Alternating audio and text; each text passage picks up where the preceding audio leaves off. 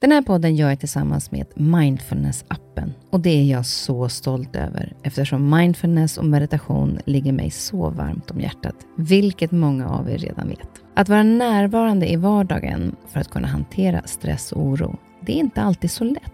Då kan man ha mindfulness-appen nära till hands för att hjälpa dig när du behöver. För mig kan det vara så till exempel när det gäller sömnen, att vissa dagar då har jag riktigt svårt att komma till ro. Framför allt när det är mycket med jobbet. Då brukar jag använda mindfulness-appen och avsluta dagen med en avslappningsövning för att sänka stressnivån. Det gör det så mycket lättare för mig att somna sen. Oavsett om du kämpar med sömnlöshet, stress eller bara behöver en stund för dig själv så har Mindfulness-appen verktygen för att hjälpa dig att slappna av och sova bättre. Appen är utformad för att passa in i din livsstil med korta övningar som passar även de hektiska schemana. Som lyssnare till Nyfiken på så får ni 40% rabatt på prenumerationen av Mindfulness-appen. Länk till erbjudandet ja, det hittar ni i poddens Instagram, kaspersen nyfikenpa. Eller så går ni in på themindfulnessapp.com kristin. Men vid det här utskrivningssamtalet så kommer det in en läkare och sätter sig och tittar på mig med väldigt allvarliga ögon. Och så säger han bara efter ett tag, jag har förstått att fröken inte har tänkt att bli så gammal. Du lyssnar på en podd från Perfect Day.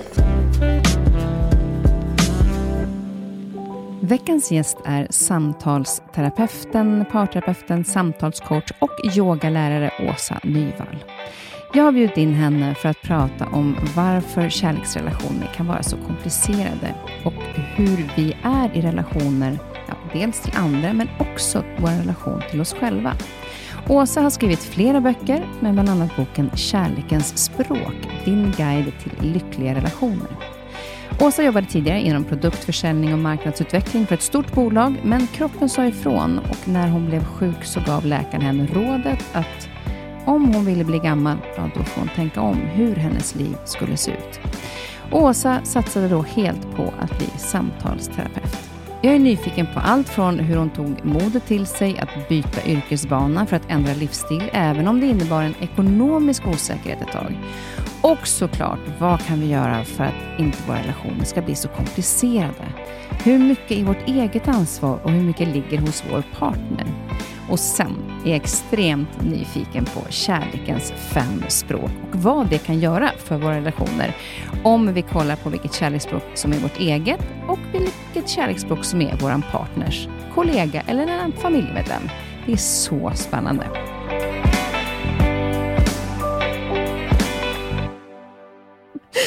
Välkommen Åsa. Tack snälla. Ja, det är ju så härligt när man sitter och pladdrar massor innan man kommer på att man ska trycka på knappen. Ja, eller hur? Eh, välkommen till Stockholm. Tack. Eh, du är uppe och har lite möten och jag eh, passar på att få hit dig till studion, vilket känns eh, väldigt, väldigt härligt. Och du kommer in med en energi och berättar någonting som Eh, du frågade först mig om jag liksom också tror på sånt här. Men oavsett om man tror på det eller inte, så tror jag det är någonting som vi kan behöva höra. För bara att man hör det gör att vi, jag i alla fall blir lite gladare. Mm. Berätta, för nu är det, vad är det för dag idag? Det är den 8 november, 8 november. när vi spelar in det här. Mm. Mm. Och då, men jag tyckte att det var så, så härligt. Jag kunde inte låta bli att kika lite. Eh, och idag är ju dagen då Venus går in i vågens tecken, vilket är väldigt stort och någonting som vi alla behöver. För nu kommer vi gå in i en tid som handlar mer om balans, harmoni, kärlek till oss själva i våra relationer. Och jag tror att vi människor behöver ljuset och en känsla av att det blir lite enklare, lite mer överflöd av goda saker i livet. Och Det tycker jag är så härligt, för oavsett om man tänker på Venus eller vågen, mm. så är det skönt att höra att vi också går in i en sån tid, även om man inte riktigt vet varför. Exakt. Till exempel, och vad, hur, hur det faktiskt påverkar. Mm. Men, men eh, jag är ju våg, så att jag, eh, det kanske inte påverkar mig extra mycket för det. men det var liksom just det här, att vad är det som gör att just Venus och vågen det blir en sån fin kombination mellan de här, de här då aspekterna. För att Venus är ju kärleken och vågen står ju väldigt mycket för balans och harmoni och det behagliga. Så att när Venus går in där så blir det mycket mjukare, mycket sådär behagligare än vad det kan vara i andra situationer. Det kan bli mer så krävande eller passionerat som kan vara härligt men också ganska så utmattande ibland. Mm. Um, och Det kanske har varit en tid som har varit ganska utmattande ändå ändå. Så att vi Mm. kanske just nu är just den perioden där vi behöver Mm. det, mera balanserande och framförallt kärlek, Mm. eh, med tanke på hur det ser ut runt omkring i världen. Eh, så det känns ju väldigt härligt faktiskt. Men jag tänker också så att du, vi ska komma in på det lite grann. Vi ska också prata om kärlekens språk eh, och eh, relationer lite grann och så. Men först tänkte jag liksom lite grann på din väg i livet där du hamnade. Hur, hur, om du säger så här, hur ser din vardag ut idag som du lever? Mm. Mycket av min tid lägger jag ju på att möta klienter eh, i parterapi, i vanlig terapi och i coachning. För att det är egentligen det som jag lägger allra mest tid på. Det tror inte människor där ute. Ibland kan de till och med säga oj, jobbar du med det där? För att man ser ju inte riktigt det eh, i mina sociala kanaler när man är ute och rör sig och sådär. Men eh, de flesta dagarna sitter jag och möter modiga människor som tar ansvar för sina liv och som vill göra det allra bästa eh, av det livet de har. Och sen utöver det så, så gör jag andra saker. Jag är yogalärare, kommer öppna en studio här nu i, i januari igen för att kunna då ta emot då människor som behöver landa och bara vara. Där det kommer vara bara så långsamt och mjukt och skönt och vilsamt. Eh, Och det är Göteborg. det är Göteborg. Mm. Och jag är ute och föreläser, skriver lite böcker, åker på retreats, eh, träningsresor etc. Men hur skulle du då beskriva din vardag idag jämfört med när du jobbade med det där stora bolaget i USA? Nej, men det är en stor skillnad. Egentligen så tror jag att jag jobbar väldigt mycket mer. egentligen. För det vet ju du som också jobbar liksom för dig själv, att man kan ju jobba hela tiden eller aldrig. Men eh, idag så gör jag det med en helt annan känsla, med eh, energi, med glädje. Eh, jag jobbar bara utifrån goda energier. Det var en av de sakerna jag bestämde mig för när jag klev av näringslivet, att jag ville bara jobba med bra människor som har hjärtat på rätt ställe. Så att jag tackar ju nej till otroligt mycket saker, just för att det är så viktigt för mig. Och du känner vara- in det ganska snabbt Ja, när det, du möter? ja, det tänker jag att det gör man. Man gör det. Om vi, om, vi, om vi vågar känna. För Ja. Jag tror att många gånger så känner vi inte efter, utan vi tänker att det här är bra för mig. Mm, Istället för att känna efter, känns det här bra för mig? mm. Eller? Finns det, det finns lite skillnad i det, tänker jag. Ja, och det, det handlar ju om att våga stanna upp och känna efter och lita på den där första känslan som kommer. Det som vi kan kalla för magkänsla, intuition, som tar en sekund. Eh, alla vi har det, det är naturligt för oss. Men det är klart att det är lätt att snabbt hoppa upp till huvudet och börja tänka så här, det här blir bra. Eh, och människor runt omkring kommer gå in och påverka oss också. Jag har blivit jätteifrågasatt många gånger. Så, Nej, men ska du inte hoppa på det där projektet? Det hade varit bra för dig och din karriär eller vad det kan handla om. Eh, så det är väldigt svårt att stå emot. Vi har ju också en värld som hurrar eh, för det som synligt är framgångsrikt istället för det som kanske på insidan är framgångsrikt. Så hur skulle du säga då att du mår idag kontra när du jobbade typ lika mycket, men kanske inom ett annat forum, där det inte bara var de eh, människorna du kunde möta som du själv valde? Mm. Nej, men idag lever jag ett liv som jag älskar. Eh, sen är jag ju människa som alla andra, så att livet går ju upp och ner. Det är som min kompis Per sa vid ett tillfälle, så här, livet är som en sinuskurva. Eh, och det stämmer ju. Eh, men jag gillar ju det också. Jag vet att jag har en kanske lite annorlunda filosofi där. Att när livet flyter, när man är på toppen av sinuskurvan, då ska man bara så här, fylla på och njuta och ha det så bra man bara kan. Så att man sen när man hamnar i skav och svårigheter, att man orkar vara i det. För jag kan till och med uppskatta att vara där. För det är där man utvecklas. Uppskattar du det på en gång eller hinner du liksom landa i, okej, nu är det en sån här period, eh, nu får jag möta den? Eller kommer det någon gång en obehagskänsla eller tycker du om den från på en gång när den blir motig? Nej, men jag kan ju tycka jättesynd om mig själv och tycka att livet är orättvist och att människor beter sig illa, att jag hamnar i situationer som jag inte tycker eh, på något sätt är härliga. Men eftersom jag har det förhållningssättet så kan jag ändå ganska snabbt så här, tillåta mig att stanna i det. Och Jag tror att det är den stora rikedomen för mig, att jag, eh, jag försöker inte fly längre. Jag stannar i det som gör ont. Eh, och nästan alltid så hittar jag ju någonting där. Någonting som jag behöver se i mig själv, som jag kanske har gjort som inte är bra för mig. Eller någonting som jag kan se i relationer eller situationer som kanske inte heller då behöver vara bra för mig. Men, men om vi då går tillbaka till när du jobbade då med eh, det här bolaget då som var i USA och mm. du jobbade med produktförsäljning, marknadsutveckling.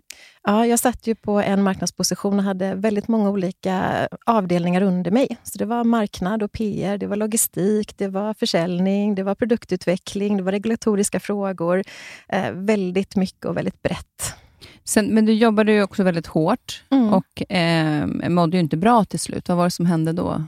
Jag fick ju massa olika signaler, men det som till slut var det som fick mig att verkligen förstå allvaret i det, det var att jag fick eh, en propp. Eh, en trolig propp upp i huvudet. Och då hade jag haft propp i fingret tidigare. Eh, så det var inte första gången jag blev drabbad av det. Och jag kom in på sjukhuset och eh, fick behandling för det här. Eh, och allting gick bra, det var inga konstigheter. Jag blev inlagd en, en kortare tid. Men vid det här utskrivningssamtalet så kommer det in en läkare och sätter sig och tittar på mig med väldigt allvarliga ögon. Och så säger han bara efter ett tag, jag har förstått att fröken inte har tänkt att bli så gammal. Och min första reaktion blev ju så jag fick ju så här jättepanik inuti, för jag tänkte de har ju hittat någonting. Det är ju någonting som inte är bra, som, som han ska berätta för mig nu. Då. Och Då säger han det att eh, du väljer ju själv nu. Men om du fortsätter att leva exakt som du gör så kommer du mest troligt få en propp i lungan eller i hjärtat eller på ett annat ställe i huvudet och då kommer du inte överleva. Men du kan ju själv välja att förändra eftersom allting handlar om hur du lever. Det handlar om det här egna ansvaret att ta mm. en sån situation. Mm. Där ställs det lite grann på sin spets, vilket gör ju att kanske inte är lättare att ta det valet, men det blir ju väldigt konkret mm. eh, att ta ett beslut i det. Mm. Hur gjorde du sen för att... För det handlar ju om att hitta en ny bana, leva på ett annat sätt. Ska man våga säga upp sig? Det handlar om mm. ekonomisk trygghet. Alltså det är ju ganska jag kan tycka att det känns lite läskigt också, att mm. göra en sån förändring. Hur såg det ut för dig när du fick det beslutet, eller det, det beskedet, och sen göra den här förändringen? Det var ju väldigt omskakande och jag vet att när jag kom hem så blev jag ju sjukskriven först. Och Min livssituation var ju också så att jag var ensamstående eh, och hade min dotter i princip på heltid. Så att jag bar ju mitt eget liv 100 procent och hade inte det nätverket som kanske en del andra har då, som hade gjort att man hade kunnat tänka så, nej men då kliver vi av och så försöker vi lösa det här tillsammans. Utan jag fick ju göra det på egen hand. Så att det jag gjorde egentligen, det var att jag någonstans förstod att eh, nu har jag fått så många signaler, nu måste jag göra någonting åt det här. Och Det här kanske låter konstigt, men jag satte mig faktiskt ner och började titta på vad är det jag behöver för att klara mig rent ekonomiskt. Hur mycket pengar behöver komma in för att jag ska klara mig rent ekonomiskt? Och utifrån det då så la jag sedan en plan och en strategi på hur jag skulle kunna ta mig ur och säga upp mig och börja mitt nya liv. Men, men du, tog inte, du sa inte upp det helt direkt, utan du jobbade lite parallellt? Va? Mm, jag, eh, jag kunde inte göra det helt enkelt på grund av min livssituation. Även om det var väldigt många som runt omkring mig tyckte så. Men ska du inte vara sjukskriven längre? Ska du inte? och så. Men jag hade inte råd att vara det. Utan jag var tvungen att hitta ett sätt tillbaka. Mm. Det som jag hade gjort parallellt under en period, det var att jag hade börjat utbilda mig till det jag jobbar med idag. Så jag hade ju redan en tanke och en dröm och en längtan som jag hade börjat att nära, som jag egentligen haft sedan jag var väldigt, väldigt liten. Så det jag gjorde var att jag eh, gick ner i arbetstid. Eh, inte för att jag var hemma då, utan då gick jag in och tog klienter. Och, för jag vill också känna på, är det så att jag tycker att det här är så fantastiskt som jag tror att jag tycker? Och Det som var så fascinerande med det, det är att jag kan komma ihåg ibland när jag kom in och skulle liksom in i det här terapirummet och jag förberedde, tände ljus, fixade vatten och allting som man gör. Så tänkte jag så här, hur ska jag orka? Hur ska jag orka den här dagen? Kommer jag kunna vara närvarande? Och så kommer första klienten in och någonting bara händer i mig. Närvaron är där, energin är där, eh, det känns meningsfullt. Och när jag då var klar efter den dagen så hade jag fyllt på med energi och kände mig liksom lätt i mitt system. Och för mig var det en sån indikator på att det är någonting i det här. Det är någonting i det här som är, som är sant. Det är någonting i det här jag behöver. Men hade du haft eh, under tiden du jobbade då som med det här stora bolaget, hade du haft liksom, en dröm tidigare om att bli samtalsterapeut? Ja. Eh, så att du hade någonstans så här att, okej, okay, när läkaren sa det här, då kände jag så men då är det tid för mig att gå över till det jag tidigare har drömt om att få göra? Jag tror att det blev en, en snabbare växling över till det. För jag hade nog redan innan förstått att det är dit jag vill, det är dit jag ska. Men jag satt ju också i en situation där jag tjänade väldigt bra på det här stora bolaget och som sagt var ensamstående, pengarna skulle komma in. Så att det var ju svårare tror jag att göra det klivet så snabbt som jag ändå valde att göra till slut. Men jag ville redan från det att jag var liten, jag ville bli barnpsykolog när jag var liten. Eh, och det var egentligen min mamma som sa till mig, nej men Åsa, ska du verkligen gå in på den där banan? Du är så känslig och du kommer ju ta med dig varenda liksom, samtal och människa i ditt hjärta och kommer du klara av det? Så att hennes rekommendation var sådär, jobba med det volontärt och så kan du liksom jobba med någonting annat som du tjänar pengar på. Så det var ju så jag gjorde. Jag har jobbat jättemycket volontärt eh, genom hela mitt liv egentligen och gör det fortfarande. Men den längtan fanns liksom kvar genom hela livet. Och det var så intressant när jag kom upp på mina olika chefspositioner. Så var ju det jag tyckte var roligt, det var ju att se mina medarbetare utvecklas och växa i sina personer och våga liksom göra saker som de normalt sett inte gjorde. Så det var ju det som var det roligaste för mig. Eh, de här andra delarna som också så var, var bra såklart med att tjäna pengar för företaget eller ta marknadsandelar eller vad, vad vi skulle göra, produktlanseringar. Det var liksom inte det jag brann för. Utan det var när det knackade på dörren och någon kom in och satte sig och liksom ville prata eller ville ha stöd. Men det tycker jag, vi, vi pratade faktiskt lite grann om det innan vi startade podden. Jag tänkte att vi tar upp det nu också, för att när vi ändå kommer in på det. Att, mm. att, eh, jag sa till exempel att eh, när jag då satt och läste om dig, att eh, jag tänkte så här, gud vad, vad vill jag bli när jag blir stor? eller vad har jag haft för dröm? Vad har varit min dröm att bli? Liksom? Mm. Och Jag har ju gjort väldigt många olika jobb som jag har älskat.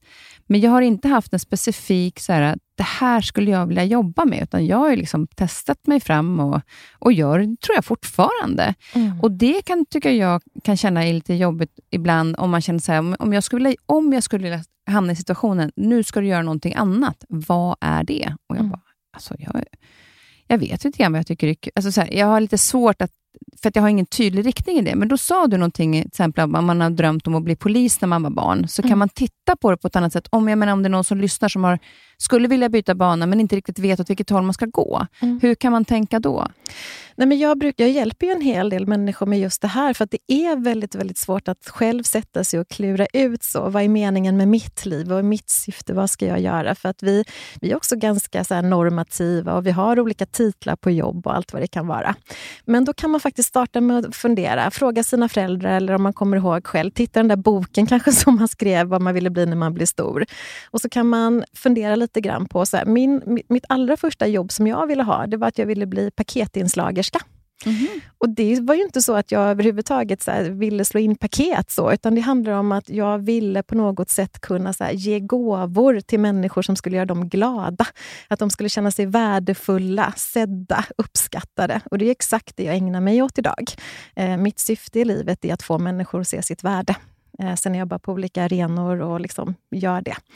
Eh, och Då kan man också titta på någon som till exempel ville bli polis. Då om man tittar på det så kan det också vara olika saker när någon säger att de ville bli polis. Och så frågar jag, men hur tror du att en polis då eh, ett liv såg ut när man jobbade som det.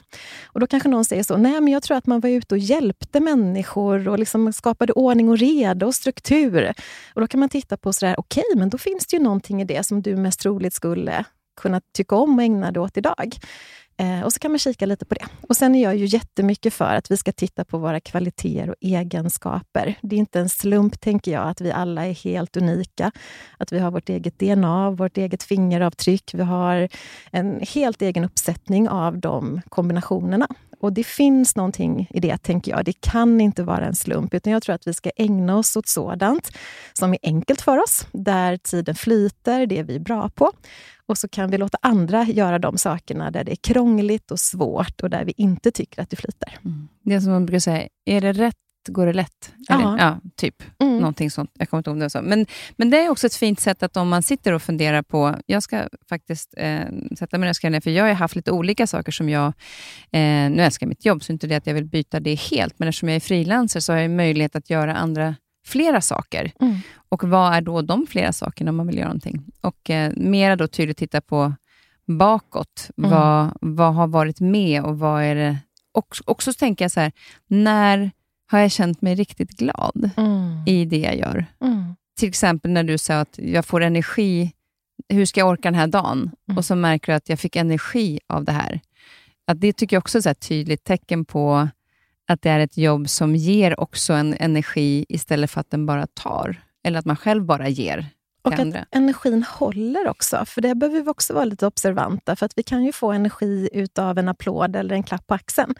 Eh, som kanske just i för stunden tycker vi att det är fantastiskt. Och då är vi egentligen mest glada för uppmärksamheten och att vi känner oss sedda i det vi har gjort.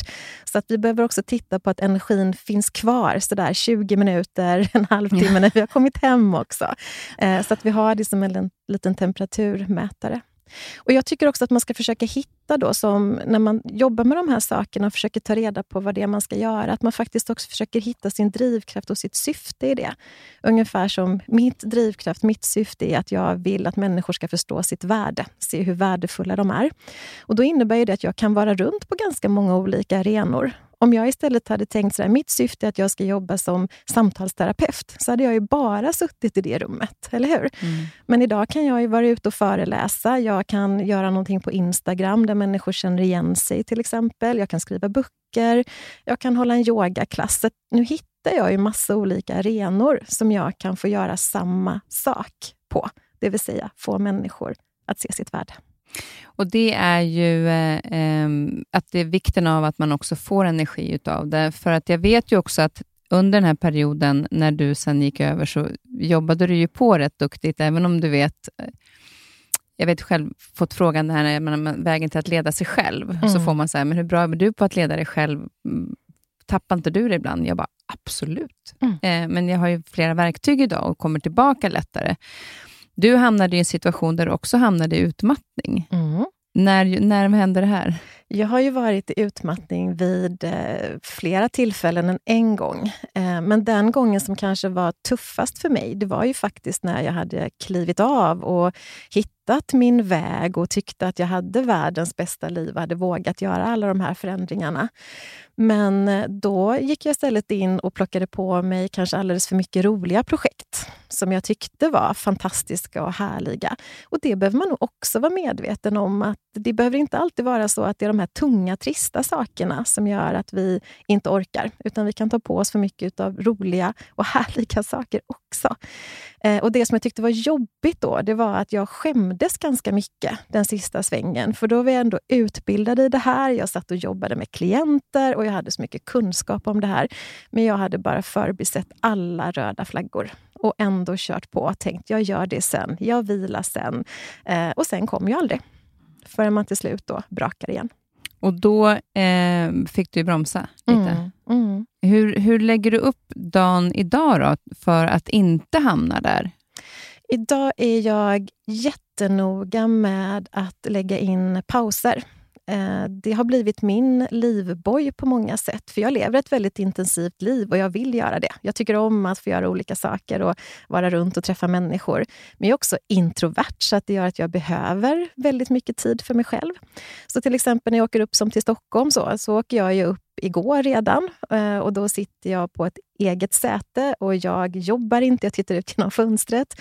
Idag så har jag en fullspäckad dag. Då vet jag att ikväll så kommer jag inte gå ut och äta middagar utan jag kommer plocka hem någonting härligt till rummet och där kommer jag sitta och äta min mat.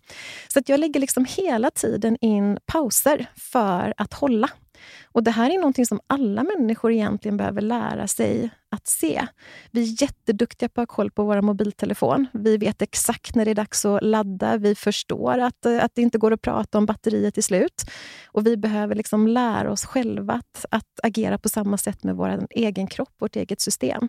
Att lära oss att veta hur mycket behöver jag på, vara påladdad för att orka, när behöver jag fylla på igen.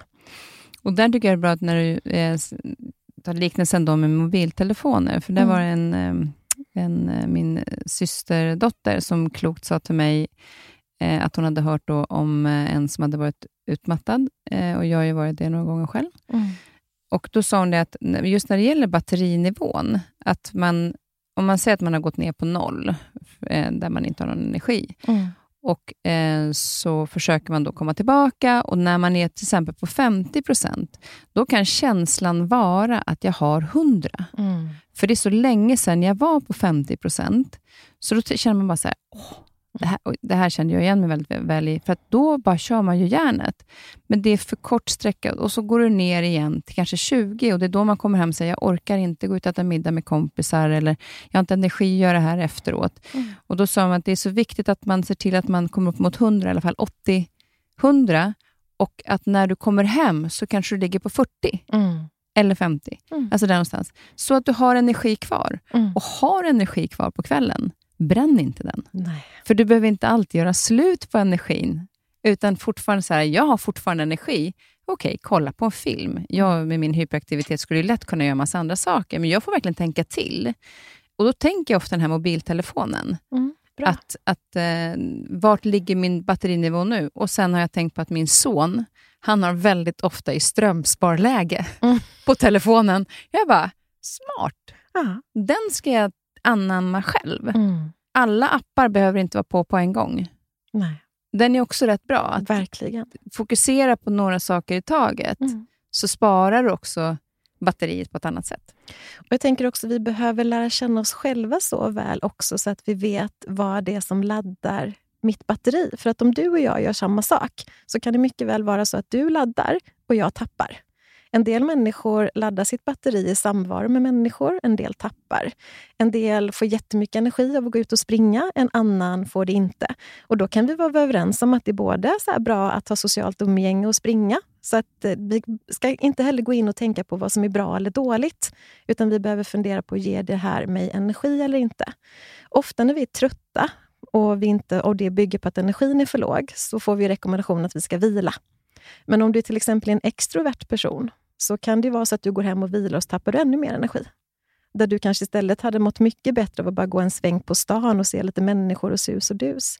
Så där behöver vi också ta ett ansvar och lära känna oss själva. och så där. Stanna upp ibland och fundera. Så där. Det jag precis gjorde, tappade jag? Fick jag mer energi eller ligger jag på samma nivå? Så att vi också så lär känna oss själva och vet vad vi behöver. Reflektera.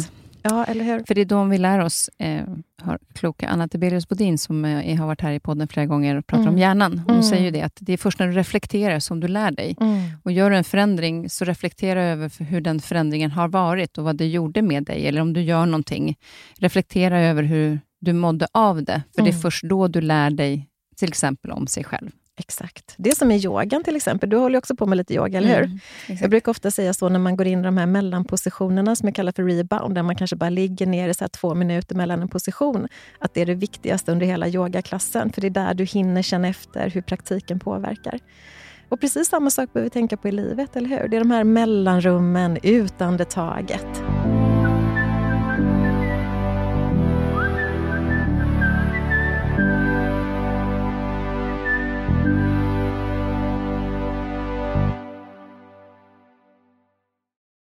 När du är nu, eh, du sa att du jobbar som samtalsterapeut bland annat, Ja. av allt det här du gör. Men, men då tänker jag att vi ska börja närma oss där, den här boken också som, som du har skrivit med Helena Arkem, som heter Kärlekens språk. Mm.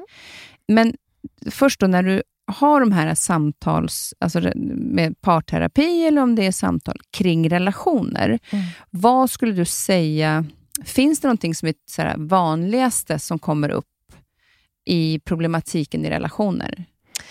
Om man tittar på i relationen till sig själv så är det ofta så att man kommer in i terapirummet och så säger man så här, jag vet inte riktigt vad det är, för jag har egentligen allting i mitt liv, men jag känner mig inte riktigt lycklig. Det är någonting som skaver. Det är det vanligaste om man tittar på liksom när en, människa kommer in i egen terapi. Går vi in och tittar på parterapi så är det vanligaste som man säger, så här, jag- jag, det, det jag längtar efter det är att min partner ska förstå mig. Mm. Det är nog det som är det absolut, liksom, om vi tittar på den enskilda terapin och vi tittar på parterapin. Jag tänker också när du säger det, för det var en, en tanke jag hade när man... Eh, jag har själv gått i parterapi eh, med i den ena relationen jag var i. Nej, båda som jag har barn med.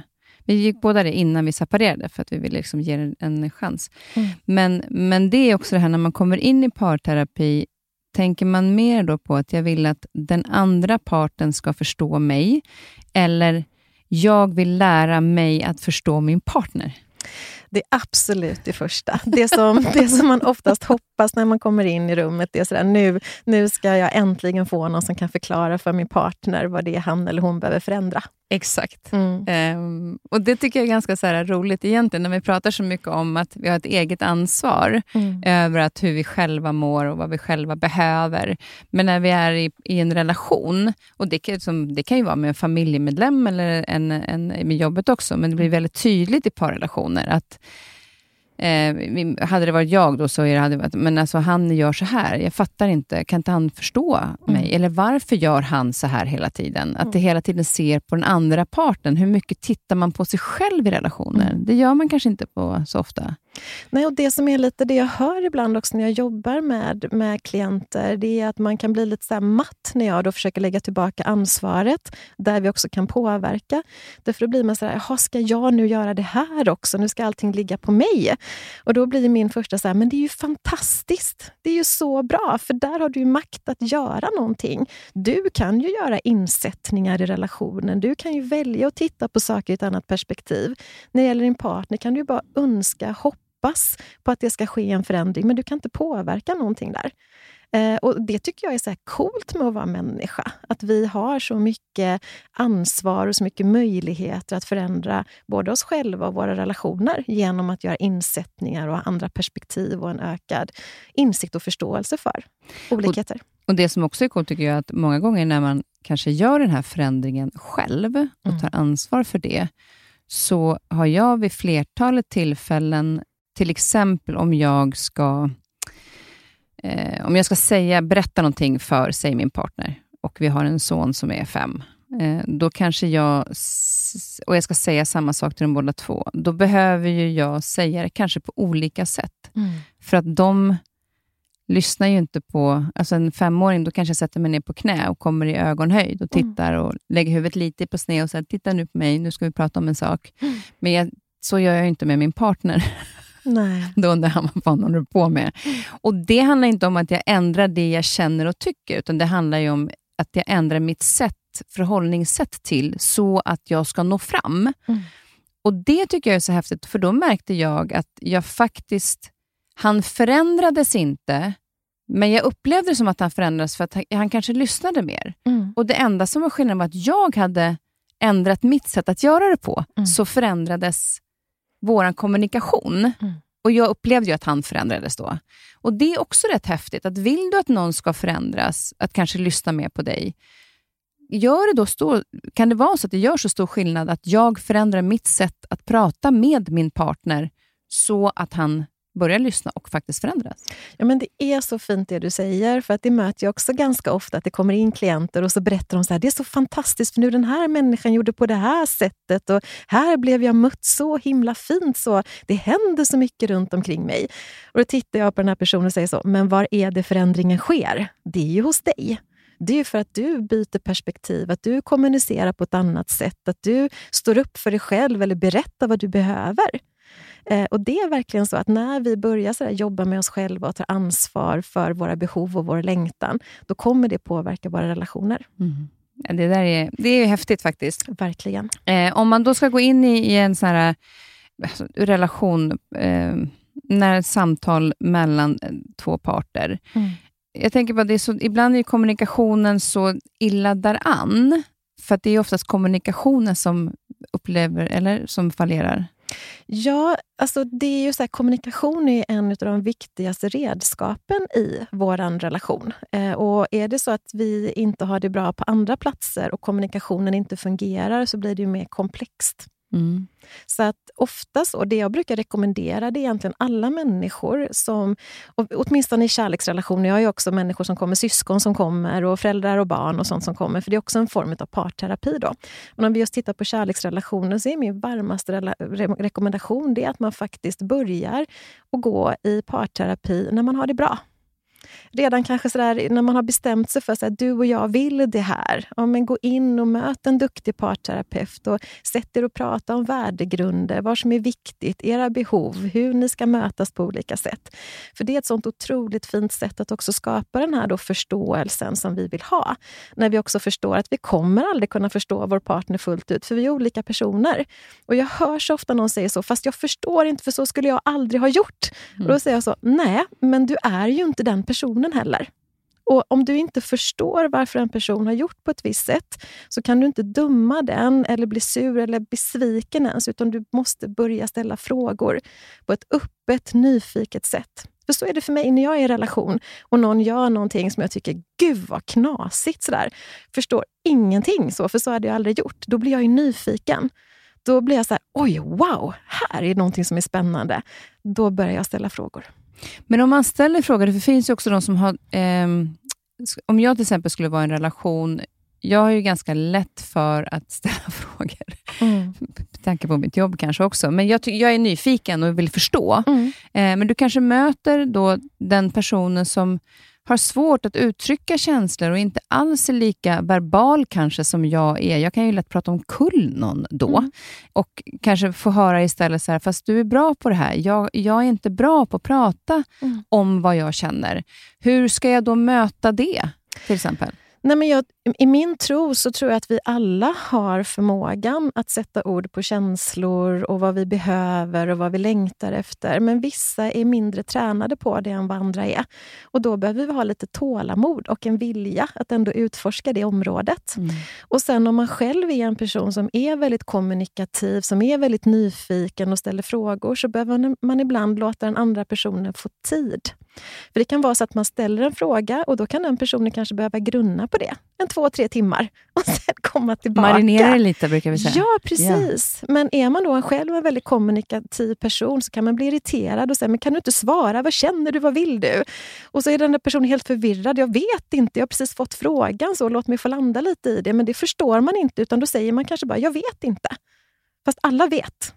Det är så här, det behöver vi också förstå. Om jag ställer en fråga till dig och du säger så, jag vet inte då är det bara för mig att stanna kvar. För det är klart att du vet, du behöver bara lite mer tid eller kanske en fråga till eller vad det nu kan vara. Vi vet alltid. Nej, och, precis, och jag tänker också, det kan ju också ha med erfarenhet att göra. Att om jag till exempel eh, i min, alltså min mamma till exempel, som jag levde närmast, pappa bor i Norge, men eh, vi hade ju alltid en förmåga att kunna prata och även om det var, eh, mamma blev ju aldrig arg. Mm. Så det var ju, hon tyckte hon var ju rädd i och för sig för konflikter, det är en annan sak. Men, men så där kunde jag ju säga egentligen vad som helst utan att någon blev arg på mig. Men säg att jag möter någon som kanske har varit i en relation där det ofta blir bråk när man uttrycker sig. Um, i till exempel, eh, i någon, om jag ska, den personen ska säga vad den känner. Och Då är den rädd att jag blir arg. Det är klart mm. att vi har olika erfarenheter. Som, är det det också som gör att vi måste ha lite tålamod och visa att jag reagerar på det här sättet. Jag är inte din pappa eller din förra partner. Mm. Det är olika saker här. Det första som jag direkt tänker på när du säger det, det är ju att när rädslan kommer in i relationen, då, då blir det oftast komplext. För vi förstår inte vad rädsla handlar om i många lägen. Så att om jag går in och säger någonting till dig som du tycker är kanske lite på gränsen till, du kanske känner dig lite sådär sårbar eller petad på på något sätt, då kommer du bli rädd. Och då kommer du antingen attackera tillbaka eller så kommer du dra dig undan, eller hur? Mm. Och där är vi redan igång. För att om du då attackerar mig, så kommer jag ju bli rädd också. Och då kommer jag antingen backa eller så kommer jag attackera tillbaka. Så jag brukar ofta säga det till mina par, så ni behöver inte vara rädda för att ta upp någonting i er relation, så länge ni förstår att allting som vi tar upp i vår relation, tar vi upp för att vi vill ha det bra. Det är liksom ingenting som är hotfullt, utan om jag ber dig om någonting eller om jag uppmärksammar någonting, så är det för att jag älskar dig. Mm. Inte för att jag vill att du ska må dåligt, jag vill att vi ska ha det bra. Och om vi kan förstå det i våra relationer. Ibland får jag prata så här jättetydligt med par och sätta dem och säga så. Kan ni titta på varandra och så kan ni säga till varandra du vet väl att jag alltid vill ditt allra bästa? Du vet väl att jag aldrig någonsin medvetet skulle göra någonting mot dig som skulle få dig att må dåligt? Och Det kan ju de flesta skriva under på en kärleksrelation. Mm.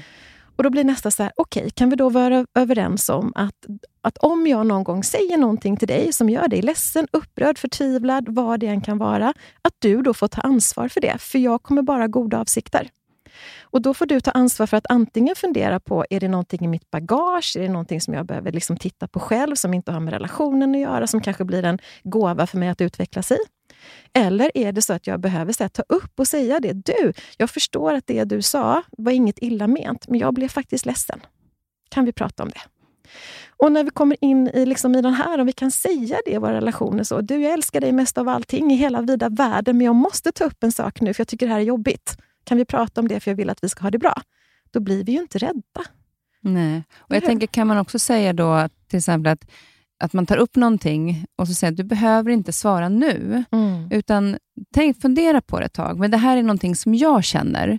Så fundera på det och hur ser du på hur vi skulle kunna lösa situationen? Så att man inte förväntar sig ett svar på en gång. Det är jättefint, för det vi också ska komma ihåg att när du väl tar upp det, så har du mest troligt gått och funderat på det ett tag. Så du har fått tid att fundera på hur du vill och hur du ska uttrycka dig. Och Då är det rimligt att vi låter vår partner få samma möjlighet. Mm, exakt. Mm. Och Då eh, blir ju oftast, tror jag, svaret många gånger också, alltså då blir ju svaret mer ärligt, mm. än att man kanske svarar i försvar eller mm. nej men jag vet inte, eller nej det kan jag inte. Och Sen mm. så hinner man fundera på det och säga, jo men det skulle jag ju kunna, för jag kan ju faktiskt bara ändra på det här. Mm. Jo men det kommer att funka, för att man får lite utrymme, som du säger, att tänka lika väl som den andra parten har fått tänka lite. Ja, det där är, det är så otroligt eh, spännande det här med relationer. Ja. Eh, och det är mycket av de här relationerna, nu pratar vi om kärleksrelationer, men det är också det man kan tillämpa, som du sa, också, där, om det är syskon eller kollegor mm. eller vad det än är. Så det är ju, även om vi pratar om kärleksrelationer, så kan man ju ändå tänka att man tar med sig det även på andra platser i sin vardag. Absolut. Jag tror att vi behöver plocka bort mycket av vår ängslighet också. För det märker jag mer och mer. Det är som en ny pandemi kan jag tycka. Den här längtan efter att vara omtyckt av alla och ingen får bli arg på mig. Alla ska alltid vara nöjda och glada. Och Det innebär ju också att istället för att jag går in och funderar på vad är det jag behöver, vad är det jag kan be om, eller så här, hur blir det här för mig? Så går vi in och börjar känna av vår omgivning. Så vi går runt här ute, alla människor, med otillfredsställda behov som vi hoppas att andra människor ska se och tillfredsställa. Istället för att bara sådär, ah, nu har jag en längtan efter att få en kram. Men gå in och ta en kram då. Mm. Och Jag tror jättemycket på att vi behöver hitta vårt behov och kommunicera det. De allra flesta människor vill varandras bästa. Om, om jag ber min partner eller min vän och frågar så här, du har ett jättebehov av att få lätta på mitt hjärta nu, jag vill bara att du lyssnar, är det okej okay för dig? Så kommer den personen mest troligt säga absolut. Och Jag tror att ibland att det kan vara viktigt att man säger, och du behöver inte komma med någon lösning. Exakt. Eh, jag vill bara prata. Mm. för det är ibland, tror jag, att många vill ju hjälpa mm. i den situationen, om det är något som är jobbigt.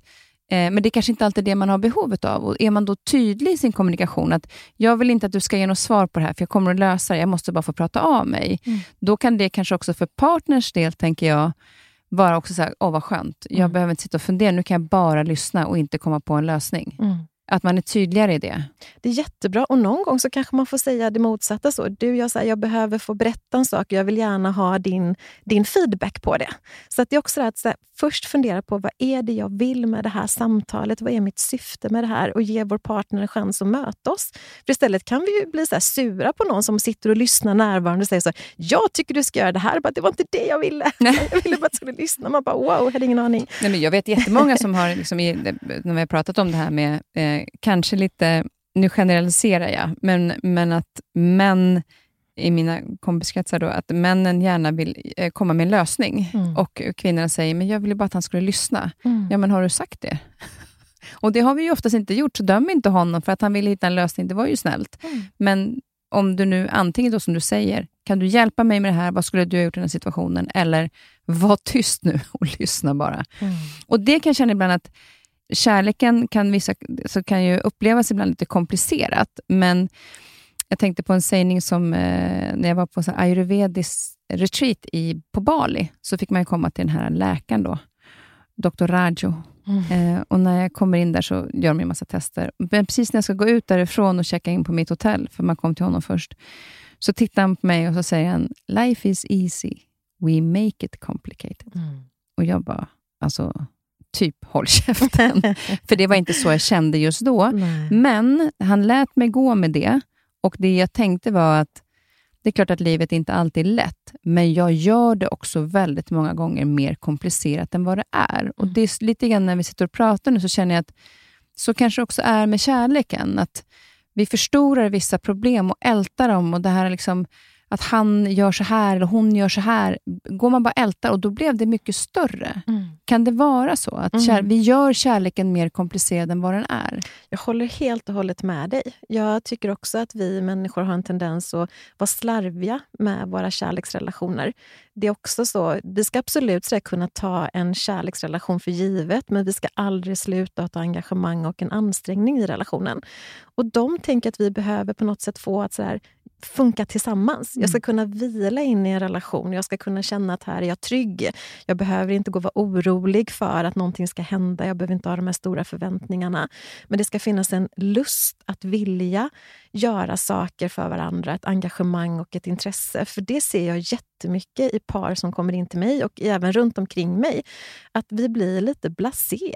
Så här, vi, vi kan, var någon som sa vid ett tillfälle så att om man, om man går in och så är man på sitt arbete och där ger man så otroligt mycket och man är så social och härlig och trevlig och man anstränger sig så.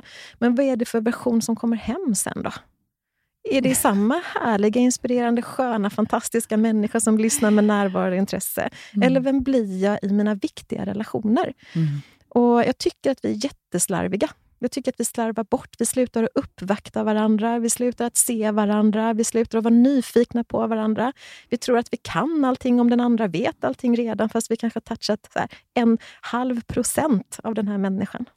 Otroligt spännande. Och i det här då med kärleksrelationer så finns det ju då kärlekens fem språk. Yes. Eh, och Det är ju någonting som alltså det kom ifrån eh, författaren Gary Chapman som forskade, eller kom fram till det här helt Mm. enkelt. Han är ju författare, Mm. eh, början på 90-talet. Och eh, Ni har också skrivit en bok som heter Kärlekens språk utifrån hans eh, fem språk. Exakt. Eh, och gjort det på, med ert sätt att berätta lite historier kring. Eh, så när man läser boken så kan man eh, möta liksom en situation där två stycken till exempel då har olika, eh, olika språk. Mm. Och det är de fem språken då, det är ju tjänster, fysisk beröring, bekräftande ord, kvalitetstid och gåvor. Den här boken har du skrivit tillsammans med Helene Arkhem. Och jag tycker att den är lite fin, den historien, hur det kommer sig att ni faktiskt skrev den här boken Mm. tillsammans. Mm. Jag var ju ute och föreläste om just kärlekens språk. Ehm, och vid ett tillfälle så var vi nere på en träningsresa som Topphälsa arrangerade. Och Då var jag ju bloggare för Topphälsa och åkte med på deras resor. Och Helene jobbade ju för Topphälsa. Och Då hade jag den här föreläsningen och efteråt så ser jag att Helene hon står en liten bit bort liksom så här, och tittar så. Och så människor kommer fram, för det väcker väldigt mycket människor. Så nästan alltid när jag är ute och pratar om det här så kommer folk fram och de vill så här, dela någonting från sina egna liv eller en insikt de har fått under föreläsningen eller en fråga de har. Men hon stod liksom kvar där och trampade lite och så när alla hade lämnat så går hon fram till mig och så säger hon så här, nej men Åsa du förstår väl så det här, det här, människor måste få kunskap om det här, du måste skriva en bok. Och då tittar jag på henne och blinkar på ögat och säger, okej okay, om vi gör det tillsammans. Mm. Och så blev det ju. Och så blev det, och hon eh, är också i en relation Mm. och hon fick ju testa det här. Ja, precis. Och det blev ju en väldigt stor förändring. Ja. Hon säger det att så här, för första gången så efter så där, det vet jag inte, det var 20-talet år så, så förstod hon äntligen sin man. Det är ändå ganska härligt, för att det, är inte, det är inte jättekomplicerat när man Nej. läser om de här olika, olika språken. Men man kan ju då säga att vi har ju olika sätt att visa kärlek på. Inget är väl mer alltså rätt eller fel. Nej, och Det är det här som jag tycker är så fint med det här. För i många andra lägen när vi tittar på olika personlighetstyper eller så, så kan man uppleva att någonting är lite bättre än det andra. Eller vi tittar på vad det är som så här, stör oss hos andra. Men det här handlar ju bara om kärlek. Och det var väl en av de sakerna som jag tyckte var så fint med det här. När jag kom i kontakt med det, att jag upptäckte att plötsligt, så här, oj, vad mycket fina saker människor gör runt omkring mig som faktiskt är kärlekshandlingar som inte jag har förstått vara det och Det tyckte jag var väldigt stort för mig. Och Själv var jag extremt skeptisk när jag lärde känna de här fem kärleksspråken. Så jag var tvungen att ge mig ut och testa också för att se om jag verkligen trodde på det. Och på vilket sätt testade du då? Det var ju då när jag var ute i, satt ute i näringslivet. Då var det en person på det här företaget som jag satt tillsammans med i ledningsgruppen som sådär, jättefin människa, men det var inte så att jag var jättelycklig när jag hamnade bredvid honom och man skulle så diskutera saker eller på lunchen. Det var liksom någonting som alltid så skavde. Det var inte så enkelt på något vis. Och Då tänkte jag det att så här, nej men då, då applicerar jag den här tanken på honom. För att om det funkar så vill jag ju ta någonting som är svårt istället för någonting som är enkelt. Så jag så betraktade honom ett tag och så tänkte jag så här, ja, jag tror att han har tjänster. Jag provar det kärleksspråket. Så jag började i varenda situation egentligen som jag kunde då under två veckors tid ungefär. Så här, du, jag ska ta en kopp kaffe, vill du ha? Och så tog jag till honom. Eh, hade vi något sånt där möte, så här, du, jag så här, kom och sätt dig här. Jag tog kopior till honom. Så här, jag fixade och donade och underlättade för honom hela tiden. Och Det tog inte lång tid förrän han började ställa sig och hänga liksom i min dörröppning och så började prata med mig. Eller så här, fråga hur helgen hade varit. Han frågade om vi skulle gå ut och äta lunch. Och plötsligt så upptäcker jag en man som är otroligt fantastiskt spännande. Det här är en människa som är en vän till mig idag. Och Det enda som jag gjorde då, det var att jag talade på ett sätt till honom som fick honom att känna sig sedd, prioriterad, viktig och älskad. Och Då mm. öppnade han upp och började visa sidor för mig som var helt fantastiska. Och Då tänkte jag så här, det här funkar. Det här och är på där, riktigt. Det där också kommer till det här. Du ändrar ditt beteende mot honom och han ändrar sig. Mm. Det som vi pratade om tidigare. Precis. Att man vill ändra någon annan, men det går kanske inte du kan inte ändra någon annan, men du kan ändra ditt, ditt förhållningssätt till mm. det. Mm. Tänker du ofta på det nu? För det här var ju då en, en kollega, men kan du, alltså, inte bara så kärleksrelationer, utan att när du möter människor generellt, är det lite så här, Ja, vad spännande. Det där är en som gillar eh, gåvor, eller det där är bekräftande ord-personen. Mm. Jag tror att jag gör det ganska omedvetet idag, för det här mm. ligger så i mitt, mitt system, i mitt DNA idag på något vis. Så att, eh, absolut, det gör jag. Eh, om jag till exempel, och Vi ska också tänka så här att de här kärleksspråken, det är någonting som vi uppskattar och får oftast allting av. Så att det brukar jag säga, i så här fina, sunda relationer så ska vi liksom tala alla de här fem språken kontinuerligt. För då har vi liksom en fin relation. Men det är framförallt så när någon person behöver känna sig extra sedd, extra älskad, extra prioriterad. Om man till exempel går igenom någonting som är svårt, det är då vi behöver gå in lite extra med det. Som till exempel i en relation jag hade, då hade han då eh, fysisk beröring och jag har tjänster. Och i en kris, så, om han så får en kris, så behöver jag vara nära honom. Jag behöver liksom hålla om honom. Vi behöver ligga i soffan och kramas och så. För då blir han trygg i sin kris och kommer känna sig älskad och sedd och det kommer kännas lite lättare för honom. Om han skulle gjort samma sak för mig i samma läge så hade jag fått panik. Utan det som han behövde göra för mig om jag går in i en kris, det är att se till att mitt liv runt omkring kan fungera.